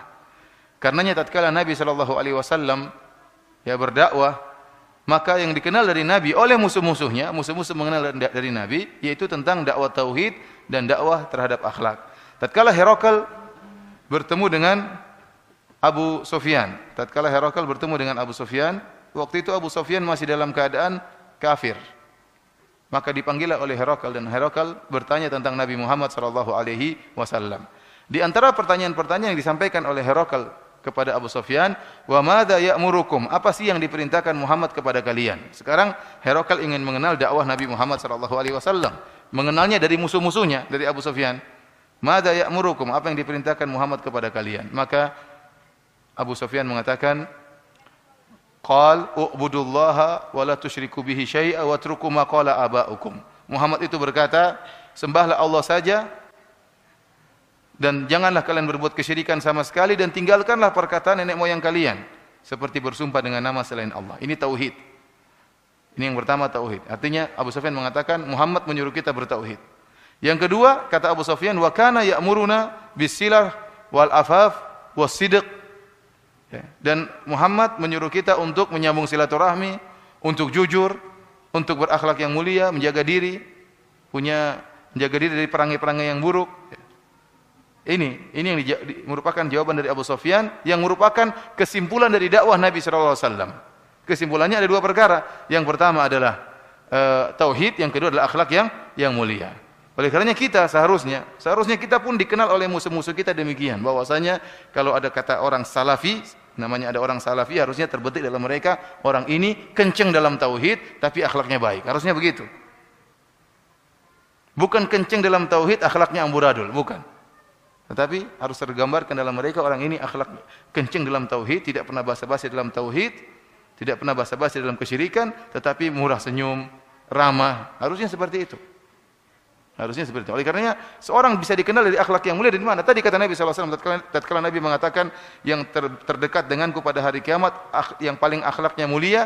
Kemudian Rasulullah SAW mencontohkan al-muatti'una aknafan, yaitu orang yang membentangkan pundaknya dan tangannya, alladzina ya'lafun wa yu'lafun, yang mudah untuk bergaul dan mudah untuk diajak bergaul. Kalau kita ingin tahu seorang itu akhlak mulia, yaitu orang itu disenangi orang. Ngobrol sama dia enak, kalau ketemu dia enak, menyenangkan, itu berarti akhlaknya mulia. Itu berarti akhlaknya mulia. Apakah kita seperti itu? Masing-masing mengecek dirinya masing-masing. Para hadirin dan hadirat yang dirahmati Allah Subhanahu wa taala, karenanya pembahasan akhlak adalah pembahasan yang penting, ya. Hadis-hadis tentang akhlak sangatlah banyak. Cukuplah kitab Riyadhus Shalihin sebagai bukti. Barang siapa buka kitab Riyadhus Shalihin isinya hadis-hadis Nabi tentang akhlak. Semuanya tentang akhlak tentang adab-adab. Ini menunjukkan akhlak mendapatkan porsi besar dalam syariat Islam.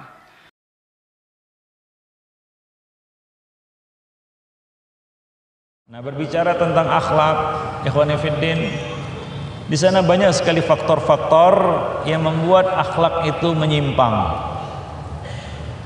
Di sini saya sebutkan beberapa di antaranya. Yang pertama adalah akhlak itu rusak atau jelek atau buruk karena faktor pembawaan lahir. Nah, ini memang bukan urusan kita, urusan kehendak Allah Subhanahu wa taala. Ada orang yang memang sejak ya, dari pembawaan lahirnya memang memiliki karakter yang jelek. Ya, misalnya apa? Pemarah. Memang sejak ya itulah tertanam sejak kecil sejak lahir. Ya, ini adalah faktor pembawaan lahir namanya. Faktor tabiat. Itu yang pertama. Yang kedua adalah faktor pendidikan orang tua yang salah. Orang tua mendidiknya tidak benar. Nabi sallallahu alaihi wasallam mengatakan, "Kullu mauludin yuladu 'alal fitrah fa abawahu yuhawidanihi wa yunassiranihi." Orang tua yang membuat dia Yahudi atau Nasrani, yaitu yang membuat dia berubah dan menyimpang. Baik itu akidahnya maupun akhlaknya. Orang bilang ini salah asuh, salah asuhan. Orang tua tidak mendidik dan membimbing anak-anaknya kepada nilai-nilai kebaikan. Misalnya dalam satu keluarga dibiasakan di situ khianat, ya, ibu berkhianat kepada ayahnya, ayah berkhianat kepada ibunya. Itu terjadi di hadapan anak-anaknya, maka anak-anak pun akan meniru. Ibarat kata pepatah, guru kencing berdiri, murid kencing berlari. Apa yang dilihat oleh anak-anak kita itulah yang akan ditiru dari kita. Buah tidak akan jatuh, buah jatuh tidak akan jauh dari dari pohonnya. Kalaulah ibu dan bapak, ya, ibu dan bapak di sini menyontohkan misalnya berbohong, si ibu berbohong kepada ayahnya dan itu terjadi di hadapan anak-anaknya. Demikian pula sebaliknya, maka anak ini juga akan tumbuh menjadi anak yang pembohong. Jadi faktor pendidikan keluarga khususnya orang tua yang keliru dan menyimpang. yang membuat akhlak seseorang itu menjadi buruk. Itu faktor yang kedua. Faktor yang ketiga adalah faktor lingkungan dan pergaulannya, teman-temannya. Bergaul dengan teman-teman yang jahat, maka dia turut menjadi jahat. Bergaul dengan anak-anak nakal, maka dia akan menjadi nakal. Bergaul dengan orang-orang yang merokok misalnya, dia ikut-ikutan merokok. Bergaul dengan teman-teman yang suka berkata-kata kasar, keji dan kotor, maka ia ikut berkata-kata keji dan kotor. Faktor lingkungan dan per pergaulan. Itu faktor ketiga. Faktor keempat adalah faktor pekerjaan. Faktor pekerjaan. Pekerjaan juga dapat ya, merubah dan mempengaruhi akhlak seseorang. Maka dari itu Nabi Shallallahu Alaihi Wasallam membedakan akhlak pengembala unta dengan pengembala kambing. Karena perbedaan pekerjaan antara keduanya. Yang satu mengembalakan onta cenderung kasar. Kenapa? Karena onta itu susah diatur, kasar, keras. Jadi tabiatnya juga tertular menjadi keras. Kambing lebih lembut, maka penggembala kambing tabiatnya lebih lembut. Ini faktor pekerjaan. Contohnya orang yang kerjanya di pasar, teriak-teriak di pasar. Banyak kamusnya itu, kata-kata yang kotor, jorok kan ya. Karena kerjanya hari-hari di pasar. Beda dengan orang yang kerjanya di kantor. Ya, ber, berbeda itu. Ini faktor pekerjaan. Ya, Jadi itu juga turut mempengaruhi akhlak seseorang. Faktor berikutnya adalah faktor rezeki yang dia makan. Ini juga akan mempengaruhi akhlak seseorang. Sebagaimana orang-orang Yahudi tabiatnya menjadi keras, keras kepala, terkunci mati hati mereka. Faktor apa? Faktor makanan yang mereka makan, rezeki yang mereka makan. Apa kata Allah Subhanahu wa taala tentang orang-orang Yahudi ini? Akaluna lisuhti, sama'una lil akaluna lisuhti. Mereka itu suka mendengarkan berita-berita bohong, isu, desas-desus, kabar burung, gosip, suka mendengarkan ribah dan namimah. Ini orang Yahudi. Sama'una lil. Yang kedua apa? Akaluna lisuhti. Mereka suka memakan as-sukht yaitu harta haram disebutkan oleh Al-Imam Al-Qurtubi di dalam tafsirnya bahwa as-sukht yang dimakan oleh orang-orang Yahudi ini adalah riswah, suap. Mereka gemar makan suap. Hingga ini mempengaruhi tabiat dan perangai mereka. Jadilah mereka orang yang keras kepala, nyinyir, susah diatur, keras hati, ya, dan beberapa akhlak-akhlak buruk tentang orang-orang Yahudi ini yang Allah ceritakan di dalam Al-Quran penyebabnya apa? akaluna lisufti maka hati-hati terhadap rezeki yang kita makan karena itu akan mempengaruhi akhlak kita. Kalau ada orang yang berkata ya Ustadz saya sudah berusaha untuk memperbaiki akhlak saya. Saya ikut ngaji ini itu dan lain sebagainya tapi nggak kunjung berubah akhlak saya. Bagaimana itu? Mungkin faktor rezeki. Rezeki yang kita makan. Karena apa? Kata Nabi sallallahu alaihi wasallam la yadkhulul jannah lahmun nabata min suhat an-naru aula bihi tidak akan masuk surga. Daging yang tumbuh dari usaha yang haram neraka lebih patut untuknya. Neraka lebih patut untuknya. Jadi faktor apa? Rezeki yang kita makan. Maka berhati-hati. Itu adalah faktor-faktor yang mempengaruhi hingga akhirnya seorang itu menjadi orang yang buruk akhlaknya. Itu faktor yang keberapa tadi? Yang ke lima. Faktor yang keenam yang mempengaruhi akhlak seseorang itu adalah tempat tinggal.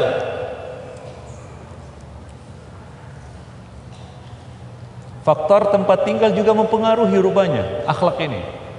Maka di dalam sejarah Nabi kita lihat bahwa di sana ada dua dua macam orang Arab. Orang Arab yang tinggal di kota dan orang Arab yang tinggal di Baduy. Tinggal di pedesaan, tinggal di pedalaman. Maka Nabi mengatakan man bada Java. Barang siapa yang bada, bada artinya tinggal di pedalaman, maka Java. Java itu apa artinya? Tabiatnya akan menjadi tabiat yang kasar. Dia akan menjadi orang yang bertabiat kasar. Seperti Arab Badui. Allah Subhanahu wa taala mengatakan apa dalam Al-Qur'an? Al-a'rabu asyaddu kufran wa nifaqa. Wa ajadu alla alla yafhamu hududa ma anzalallahu ilaihi. Orang-orang Arab Badui itu asyaddu kufran wa nifaqa. Sangat keras kekufurannya dan kemunafikannya dan lebih patut untuk tidak dapat memahami hukum-hukum yang Allah Subhanahu wa taala turunkan kepada nabinya. Itu Arab Badui. Jadi faktor apa yang keenam yang dapat mempengaruhi akhlak dan perilaku seseorang yaitu faktor tempat tinggal.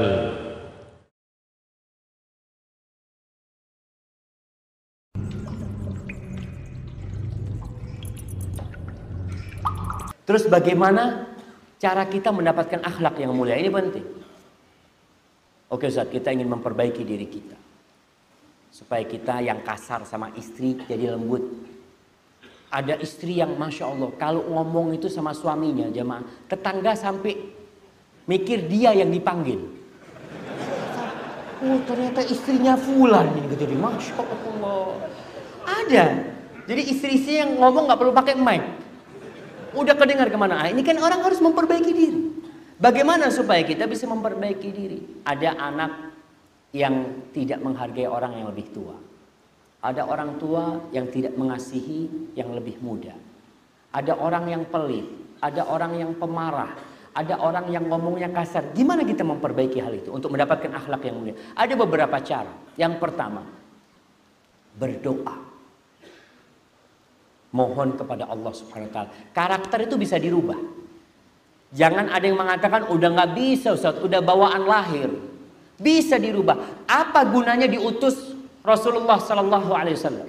Kalau ternyata karakter nggak bisa dirubah. Padahal beliau diutus untuk menyempurnakan akhlak. Berarti karakter bisa dirubah. Makanya Rasul Sallallahu Alaihi Wasallam mengajarkan sebuah doa. Beliau itu mengatakan dalam doanya, Allahumma hdini li ahsanil akhlaq. La yahdi li ahsanil akhlaq illa anta. Ya Allah, tunjukkan kepada aku, hidayahkan kepada aku akhlak yang mulia. Nggak ada yang bisa merubah orang dari akhlak buruk ke akhlak mulia kecuali engkau ya Allah. Wasrif anni sayyi'aha, la yasrifu anni sayyi'aha illa anta. Dan palingkan dari aku akhlak-akhlak yang buruk. Nggak ada yang bisa memalingkan akhlak buruk itu kecuali engkau ya kita minta doa tiap hari. Kita tahu pemarah kita ya Allah, anak ini nggak tahu kok nggak bisa nahan emosi. Marah terus kerjanya. Minta sama Allah SWT. Doa Nabi juga Allahumma hassan takhalki fahassin khuluq. Ya Allah kau sempurnakan penciptaan diriku ini. Maka aku minta kepadamu agar engkau menyempurnakan akhlakku. Itu doa Rasulullah SAW. Cara yang kedua, belajar. Orang itu dengan belajar tambah ilmu insya Allah ngerti. Oh ternyata ini nggak boleh. Kayak tadi orang tahu ketika dia mau marah ingat penghuni surga itu menahan emosinya. Anak mau tahan emosi. Ibunda Sufyan Ats-Tsauri pernah Sufyan Ats-Tsauri ini yatim. Ibunya punya penghasilan dari menenun. Dia ngomong sama Sufyan, Sufyan kau bawa nih duit nih 10 dirham, kau cari ilmu, kau belajar 10 hadis. Nanti kau setelah belajar 10 hadis kau lihat. Kalau dengan bertambahnya ilmumu ada perilakumu yang berubah, jalanmu berubah, ngomong sama orang berubah, artinya akhlaknya berubah, maka teruskan kau nuntut ilmu. Tapi kalau ternyata kau dapat 10 hadis akhlakmu nggak berubah, kau berhenti nuntut ilmu takut jadi petaka buat engkau nanti. Karena bahaya. Orang belajar ilmu hadisnya banyak, ayatnya banyak, tapi akhlaknya nggak berubah. Ada seorang penyair yang mengatakan wa ayu naf'in liman ya'ti madarisakum in kana yakhruju minha mithla ma. Apa gunanya sekolah di sekolahan kalian? Kalau lulus sama seperti ketika masuk, nggak ada perubahan. Maka ilmu membawa kepada perubahan. Rasul SAW tidak pernah meminta tambahan kepada Allah kecuali tambahan ilmu. Wakul Rabbi zidni ilma. Maka antum belajar, datang ke pengajian, Kemudian yang ketiga, membiasakan diri. Membiasakan diri. Orang yang pelit, dia bakhil. Allah. Dia udah dapat ilmunya. Kalau sedekah diganti sama Allah. Tapi tetap perasaan bakhil itu ada. Udah biasakan. Jadi antum keluar rumah, taruh duit. Ana mau sedekah. Tiap hari biasakan. Ketika ada kotak amal, antum biasakan 100 ribu. Ketika mengeluarkan itu, Allah Akbar, Allah Sekali berat. Besok dua kali berat. Tiga kali, empat kali, lima kali. Antum kalau nggak sedekah, bingung. Karena antum sudah membiasakan diri antum. Kata Rasul sallallahu alaihi wasallam, "Al ilmu bit ta'allum wal hilmu bit tahallum." Ilmu itu dengan belajar. Dan ketabahan itu dengan melatih, berusaha untuk melatih diri kita. Maka perlu latihan. Di antara latihan yang membuat kita berakhlak mulia, mengembala kambing. Ustaz Haikal punya tempat mengembala kambing? Enggak, kayaknya perlu. Tidak ada nabi pun yang diutus kecuali pernah mengembala kambing. Orang kalau suruh mengembala kambing, jemaah, Masya Allah. Anak pernah bawa kambing, Masya Allah. Kita sama teman-teman beli kambing taruh di desa. Berapa ekor waktu itu? Empat, enam. Turun tuh kambing dari mobil. Kita angkat, kita bawa satu. Ternyata satu masuk ke rumahnya orang. Satu makan tanamannya orang. Oh Allah, kambing nggak bisa dipanggil. Nggak bisa, eh sini. Nggak ada, kita harus balik. Ayo, ayo, jalan. Jalan. Kita akan belajar kesabaran dari kambing. Antum mau marah sama kambing mengatakan kau itu kambing memang kambing memang kambing anak kata dia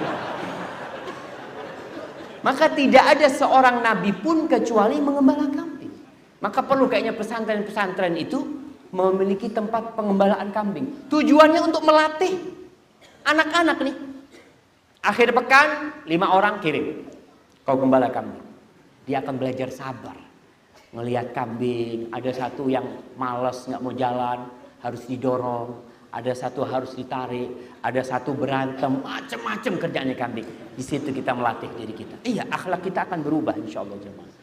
Kemudian yang terakhir karena waktunya, bukan yang terakhir sebenarnya, tapi karena waktunya sudah tinggal sedikit, di antaranya cari teman jemaah. Teman teman itu mempengaruhi akhlak kita. Kalau teman antum itu suka sedekah, mau nggak mau antum nggak enak sedekah. Masa dia terus yang bayarin anak? Gak enak kan. Hari ini anak yang bayarin. Karena malu, awalnya malu, tapi lama-kelamaan akan menjadi kebiasaan. Dan yang terakhir yang ini akan sampaikan, mengetahui kekurangan diri kita. Kita harus mempelajari apa sih yang kurang di diriku. Di bagian mana aku ini kurang. Ketika orang itu tahu motornya rusak, insya Allah dibawa ke bengkel. Tapi kalau orang itu nggak ngurusin motornya rusak, selama bisa dipakai dia pakai, nanti terakhir nggak bisa jalan tuh motor. Kita pun gitu. Orang yang merasa benar nggak akan pernah bisa jadi benar. Siapa yang akan memperbaiki dia kalau dia merasa baik? Sudah, aku ini sudah baik. Tapi orang yang merasa dirinya kurang, niscaya dia akan merubah dirinya. Al-Imam Ibnu Qudama Al-Maqdisi dalam kitabnya Mukhtasar Minhajil Qasirin menyebutkan ada empat hal untuk mengetahui kekurangan diri kita. Dari mana kita tahu diri kita ini kurang? Yang pertama, datang ke ustaz, datang ke syekh yang dia ngerti sama kekurangan jiwa manusia. Dia datang, Ustaz, anda ini kayak tadi ceritanya sahabat yang datang kepada Rasulullah SAW minta nasihat. Nasihatnya apa? Jangan marah. Kayak gitu tuh Ustaz, anak ini kayak gini nih Ustaz. Apa yang sikap harus anak ambil? Maka Ustadz akan memberikan arahan. Tapi Ustadz yang seperti ini udah jarang jemaah. Ini di masanya Ibnu Qudamah. Syekh yang bisa memberikan arahan kayak gitu jarang. Maka kita kalau dapat kayak gitu, kita sering datang ke rumah. Tanya Syekh Afan, anak kepingin tahu apa yang harus anak lakukan. Sikap apa yang harus anak ambil. Yang kedua, cari teman yang setia dan tulus mencintai kita. Yang dia suka berbagi kesalahan kita. Kau itu seharusnya nggak kayak gini. Kau itu seharusnya kayak nggak kayak gini. Kau seharusnya melakukan ini. Teman kayak gini nih, karena dia tiap hari bareng kita, dia tahu kekurangan kita. Biasanya teman yang kayak gini kita benci. Umar bin Khattab mengatakan, Rahimallahu mra'an ahda ilayya uyubi. Semoga Allah merahmati orang yang menghadiahkan aib-aib Umar malah senang sama orang yang menceritakan kekurangan Umar. Karena apa? Karena bisa memperbaiki diri kita. Tapi kita kalau punya sohib kayak gini, aduh kayaknya fulan nggak perlu ditemenin. Kita paling suka sama sohib yang sering memuji kita. Oh Masya Allah, nggak ada orang kayak kau. Masya Allah, bener ya? Masya Allah, zakullah khair. Oh orang baik. Ini nih bahaya nih. Maka kita perlu cari teman yang suka mengkritisi kita. Itu yang kedua. Yang ketiga, cara ketiga, antum dengarkan ucapan orang-orang yang nggak suka sama antum. Biasanya orang kalau benci sama kita, itu dia tahu segala kekurangan kita. Jangan kekurangan yang baik jadi kurang buat dia. Maka itu manfaat buat kita. Kata Imam Syafi'i mengatakan wa ainur ridha an kulli aibin kalilatun. Kama anna aina sukhti tubdil masawiya. Orang tuh kalau udah seneng, maka yang jelek jadi baik. Tapi orang kalau sudah benci sama antum, yang buruk, yang baik pun akan jadi jelek. Maka kalau ada orang ngomongin antum, fulan kau itu orangnya pelit, katanya sombong, kadang-kadang kan gitu kan. Kau itu katanya sombong ini, iya, benar, iya. Coba aku akan mengkoreksi diri. Maka omongan musuh itu antum sampaikan. Antum catat, kumpulin semua. Perkataan seorang alim ulama mengatakan kalau ada orang yang melempari engkau dengan batu. Apa yang kita lakukan? Jangan antum bales. Kan kita kalau dihina orang kita akan menghina. Kalau kita celak kita akan mencela. Jangan. Kau kumpulkan tuh kalau lemparin batu. Ngapain? Kau bangun anak tangga menuju kesuksesan. Kita kumpulin udah. Kritikan-kritikan dari orang bismillah. Kita insya Allah bisa memperbaiki diri. Dan yang terakhir, untuk mengetahui kekurangan diri kita ini, kita hidup bergaul dengan orang. Kita lagi kumpul di sana, orang ngomong ini nggak baik. Oh, kita tahu, oh berarti ini nggak baik. Aku kok kayak gitu. Maka dengan kita bergaul dengan manusia, paling tidak kita bisa mengambil nilai-nilai kebaikan dan menjauhi nilai-nilai keburukan yang masyarakat yang menghukumi hal itu kadang kala. Itu berkaitan dengan akhlak. Hadza wallahu a'lam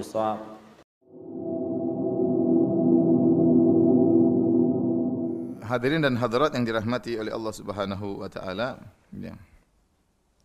Pembahasan mengenai akhlak, mengenai adab, ya, adalah perkara yang sangat penting ya. Dan akhlak yang mulia yang merupakan sebab utama masuk surga. Sebab utama surga setelah tauhid. Kalau saya boleh katakan bahwasanya sebab utama yang menyebabkan orang masuk surga setelah tauhid adalah akhlak yang yang mulia. Dan dalilnya sangat banyak akan hal ini ya. ya di antaranya seperti Nabi sallallahu alaihi wasallam mengatakan ya uh, la syai'a athqalu fil mizani lil mu'min yaumal qiyamah min husnil khuluq ya. Atau kama qala Nabi sallallahu alaihi wasallam Rasulullah sallallahu bersabda tidak ada suatu yang paling berat di timbangan seorang mukmin pada hari kiamat seperti akhlak yang mulia ya. Ma min syai'in athqalu fi mizanil mu'min yaumal qiyamah min husnil khuluq. Jadi amalan yang paling berat untuk diletakkan di timbangan pada hari kiamat kelak adalah akhlak yang yang mulia. Ini menunjukkan akhlak mulia ya sangat memberatkan timbangan kebajikan pada hari kiamat dan ini menunjukkan dia adalah sebab utama untuk masuk surga.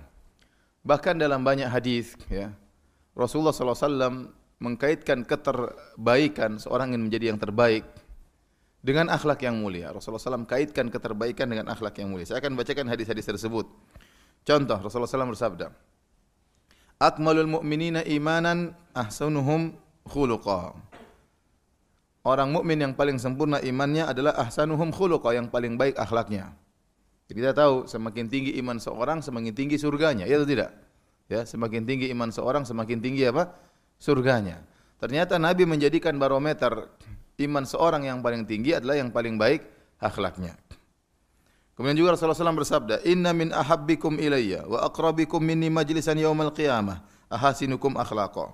Sungguhnya orang yang paling aku cintai dan yang paling dekat denganku pada hari kiamat kelak adalah yang paling baik akhlaknya. Kalau anda paling ingin dicintai oleh Nabi, paling dekat majelisnya dengan Nabi di surga, ya, maka yang terbaik akhlaknya. Bayangkan Nabi menjadikan barometer keterdekatnya seorang dengan Nabi SAW pada hari kiamat barometernya adalah akhlak yang yang mulia.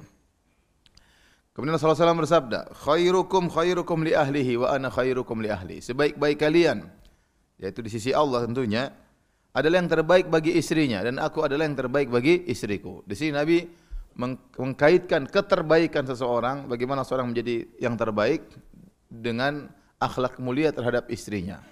Ya. Kalau ingin menjadi terbaik di sisi Allah, ada pintu yang indah yaitu eh, Anda menjadi suami yang terbaik. Maka akan menjadi Anda akan menjadi orang terbaik di sisi Allah Subhanahu wa taala. Dan juga berkaitan dengan akhlak. Rasulullah SAW bersabda, "Khairul muslimin man salimal muslimuna min lisanihi wa yadihi." Sebaik-baik orang Islam adalah orang yang kaum muslimin selamat dari gangguan lisannya dan tangannya. Ya, di sini Rasulullah SAW lagi mengatakan sebaik-baik orang Islam. Kalau ingin menjadi seorang Islam yang terbaik, maka jangan ganggu orang. Jangan ganggu dengan tangan, jangan ganggu dengan dengan lisan. Jangan menyakiti hati orang, jangan menyinggung orang, jangan merendahkan orang. Ini semua berkaitan dengan apa? Dengan akh, akhlak. Dengan akhlak. Rasulullah SAW bersabda lagi, khairun nasi khairuhum qadaan. Sebaik-baik manusia adalah yang terbaik dalam melunasi hutang. Dia punya hutang, dia mudah untuk lunasi. Orang tatkala berutang kita bisa lihat akhlaknya. Orang ini bagaimana waktu dia pinjam uang sama sama kita ya. Kalau dia ingat bayar utang, berarti ini akhlaknya buruk. Kalau dia pura-pura lupa, oh bahaya. Utangnya tambah banyak, semakin pura-pura lupa. Apalagi kalau ditagih marah-marah, wah ini akhlaknya hancur, amburadul ya. Ada orang seperti itu, pinjam uang sama kita, ya dia pura-pura lupa. Mulai kita tegur, dia mulai gelisah. Kita tegur, dia mulai marah-marah ya. ya. Sampai ada kawan mengeluh sama saya, itu fulan itu Ustaz. Dia utang sama saya, saya tagih, dia marah-marah. Dia bilang, kenapa kamu nggak tagih minggu lalu? Sekarang uang saya sudah nggak ada. Harusnya kamu nagih minggu lalu ya. Kamu tahu kalau punya utang jangan pakai uangmu. Jadi ditagih malah marah-marah. Tidak tahu kalau orang pinjamkan uang sama kita itu orang baik. Apalagi zaman now yang orang tidak punya duit sekarang. Ya, orang semua pegang duit, ya tidak mau dikeluarkan, mau investasi enggak berani karena ekonomi yang enggak jelas. Nah, kalau dia pinjamkan uang sama kita berarti dia baik. Nah, Anda kemudian balas kebaikannya dengan keburukan, ya. Maka tatkala masalah bayar utang, kita tahu orang itu akhlaknya baik atau tidak. Rasulullah berkata, khairukum atau khairun nas khairuhum qadaan. Sebaik-baik manusia adalah yang terbaik dalam membayar membayar utang. Rasulullah SAW juga bersabda, khairun nasi anfa'uhum linnas. Sebaik-baik manusia adalah yang terbaik bagi orang lain. Lihat, Rasulullah semuanya keterbaikan, yang terbaik, yang terbaik, yang terbaik, yang terbaik, banyak berkaitan dengan akhlak. Banyak berkaitan dengan akhlak.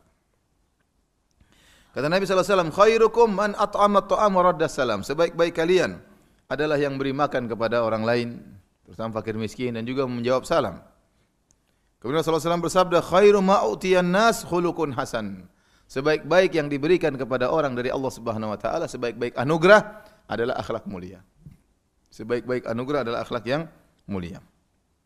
Rasulullah SAW bersabda, Innal abda li yudriku bi husni khuluqi derajat as-saimil qaim. Sungguhnya seorang dengan akhlaknya yang mulia, dia bisa meraih derajat orang yang senantiasa puasa sunnah dan biasa solat malam. Jadi ada orang ya apa namanya?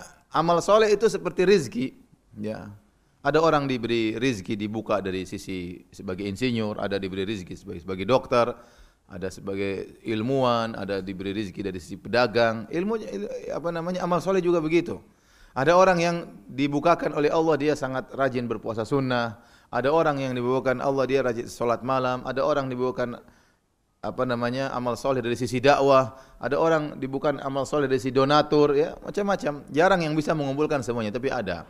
Contoh seperti Ibnu Mubarak, Ibnu Mubarak rahimahullahu taala dia donatur, dia da, pendakwah, dia berjihad, dia sholat malam, dia rajin puasa. Ini jarang-jarang ya. Ada orang rajin puasa, pelitnya juga minta ampun ya.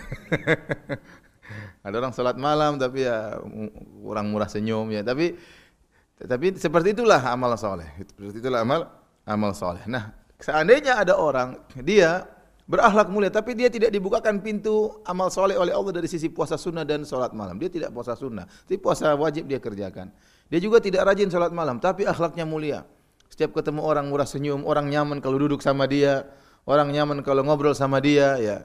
Orang ini kata Nabi SAW innar rajula la yudriku bihusni khuluqi. Sungguhnya seorang dengan akhlak yang mulia dia bisa meraih derajat orang yang senantiasa puasa sunnah dan senantiasa sholat sholat malam Ya. Ini menunjukkan akhlak mulia itu ibadah tersendiri. Bahkan bisa menyamai orang yang senantiasa puasa sunnah dan senantiasa sholat sholat malam. Ya. Jadi ya ini semua saya sampaikan kepada ikhwan agar kita tahu bahwasanya sekarang kita sedang belajar amal soleh. Akhlak yang mulia itu jangan disepelekan, jangan disepelekan ya. Justru akhlak mulia itu ibadah yang sangat mulia. Makanya ada perkataan indah dari Syekh Abdurrahman bin Nasir As-Sa'di rahimahullahu taala dalam risalah latifah dalam tulisannya yang beberapa halaman saja tentang husnul khuluq. Ya. Dia mengatakan tentang akhlak mulia dia mengatakan wa innahu fi nafsihi ibadatun azimah. Sungguhnya akhlak mulia itu zatnya sendiri merupakan ibadah yang agung. Orang akhlak mulia itu ibadah yang agung. Sama seperti orang baca Quran beribadah, sama seperti orang sholat malam beribadah, sama seperti orang berzikir ibadah, sama seperti orang berdakwah itu ibadah, sama akhlak mulia itu secara zatnya adalah ibadatun azimah, ibadah yang agung kata beliau. Tatanawalu min zamanil abdi waktan tawilan. Dan dia mengambil waktu seorang hamba waktu yang banyak. Ini ini di antara spesialnya akhlak yang mulia. Anda kalau baca Al-Qur'an paling setengah jam sudah selesai. Satu jam sudah selesai. Ada yang kurang daripada itu, yang lebih daripada itu. Kalau anda sholat, ya paling 10 menit, 15 menit. Sholat malam mungkin setengah jam, mungkin satu jam. Ya. Ada waktu, kemudian selesai. Ya. Zikir pun tidak lama 15 menit, 15 menit. Tapi akhlak yang mulia, itu mengambil waktu anda banyak. Karena kehidupan kita ini kebanyakan berinteraksi dengan orang lain. Nah kalau anda sudah terciptakan melatih diri sehingga memiliki akhlak yang mulia, ya memiliki akhlak yang mulia, maka Anda akan mendapatkan pahala yang sangat banyak. Kenapa? Kita di rumah, di rumah ketemu dengan istri, ketemu anak-anak. Kalau antum ternyata di rumah berakhlak mulia terhadap istri, terhadap anak-anak, pahala mengalir, argo pahala ngalir. Argo pahala mengalir. Kenapa? Karena di rumah ada pintu ibadah berinteraksi dengan istri anak-anak. Bukan ibadah yang sepele kata Nabi khairukum khairukum li ahli sebaik-baik kalian yang terbaik bagi istrinya. Di rumah kita di rumah berapa jam dengan istri? Ya. ya. Di rumah bisa berjam-jam dengan istri, bisa berjam-jam dengan anak-anak. Kemudian kalau kita ke kantor, bermuamalah dengan anak buah, bermuamalah dengan supir, bermuamalah dengan ini semua pintu-pintu pahala. Entah kita posisi jadi bos atau kita jadi anak buah ya. Nanti pergi ke masjid ketemu dengan jemaah masjid. Bagaimana muamalah dengan jemaah masjid? Jadi hampir banyak kayak waktu kita ini untuk bermuamalah, interaksi dengan masyarakat, dengan orang sekeliling kita. Nah, kalau kita sudah terbentuk akhlak mulia, berarti argo pahala jalan jalan terus. Argo pahala jalan terus. Berbeda dengan mungkin baca Quran cuma sebentar, sholat cuma sebentar. Jadi seorang berjuang, berjihad agar bisa membentuk dirinya akhlak yang mulia karena dia tidak sadari ternyata waktunya banyak untuk berinteraksi dengan masyarakat. Kalau akhlaknya mulia, argo pahala jalan terus. Ini yang diingatkan oleh Syekh Abdurrahman bin Nasir Sa'di. Beliau berkata, tatanawalu min zamanil abdi waqtan tawilan. Ternyata akhlak mulia itu mengambil waktu seorang hamba waktu yang banyak. Wa huwa fi rahatin wa naim. Dan dia dalam kondisi nyaman dan tentram dan bahagia. Ma'ahusulil ajril azim. Sekaligus dia mendapatkan pahala yang besar. Jadi orang yang berakhlak mulia, ya, orang yang berakhlak mulia dalam kondisi tentram, tidak stres, ya.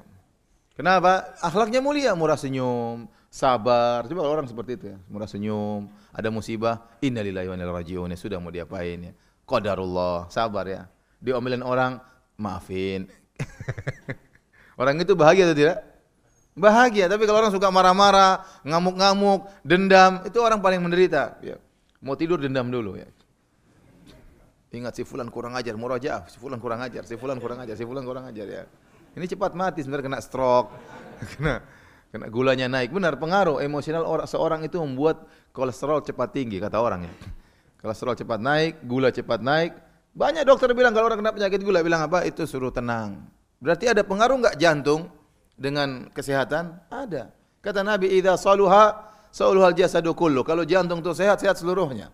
Sementara emosional itu semua berkaitan dengan jantung. Nah kalau orang ternyata marah-marah, detak jantungnya cepat, dia berpengaruh dalam kehidupannya, ya, kehidupannya. Ya. Oleh karenanya orang yang berakhlak mulia itu orang yang tentram, tenang, ya, kemudian dapat pahala yang yang besar. Ini semua saya sampaikan di mukadimah ini para hadirin hadirat yang dirahmati oleh Allah Subhanahu wa taala agar kita yakin bahwasanya akhlak yang mulia itu ibadah, beradab, berakhlak, ya, itu ibadah yang sangat mulia, ibadah yang sangat mulia. Agar agar kita tahu bahwasanya Allah meletakkan ibadah, meletakkan pahala bukan cuma pada baca Quran, bukan cuma pada solat malam, bukan cuma pada puasa sunnah, tapi interaksi kita dengan orang lain dengan akhlak yang mulia itu membuka pintu-pintu pahala yang sangat luar biasa. Tadi saya sudah sebutkan bagaimana Allah menjadikan mengkaitkan keterbaikan seorang dengan interaksinya akhlak yang mulia dengan orang lain.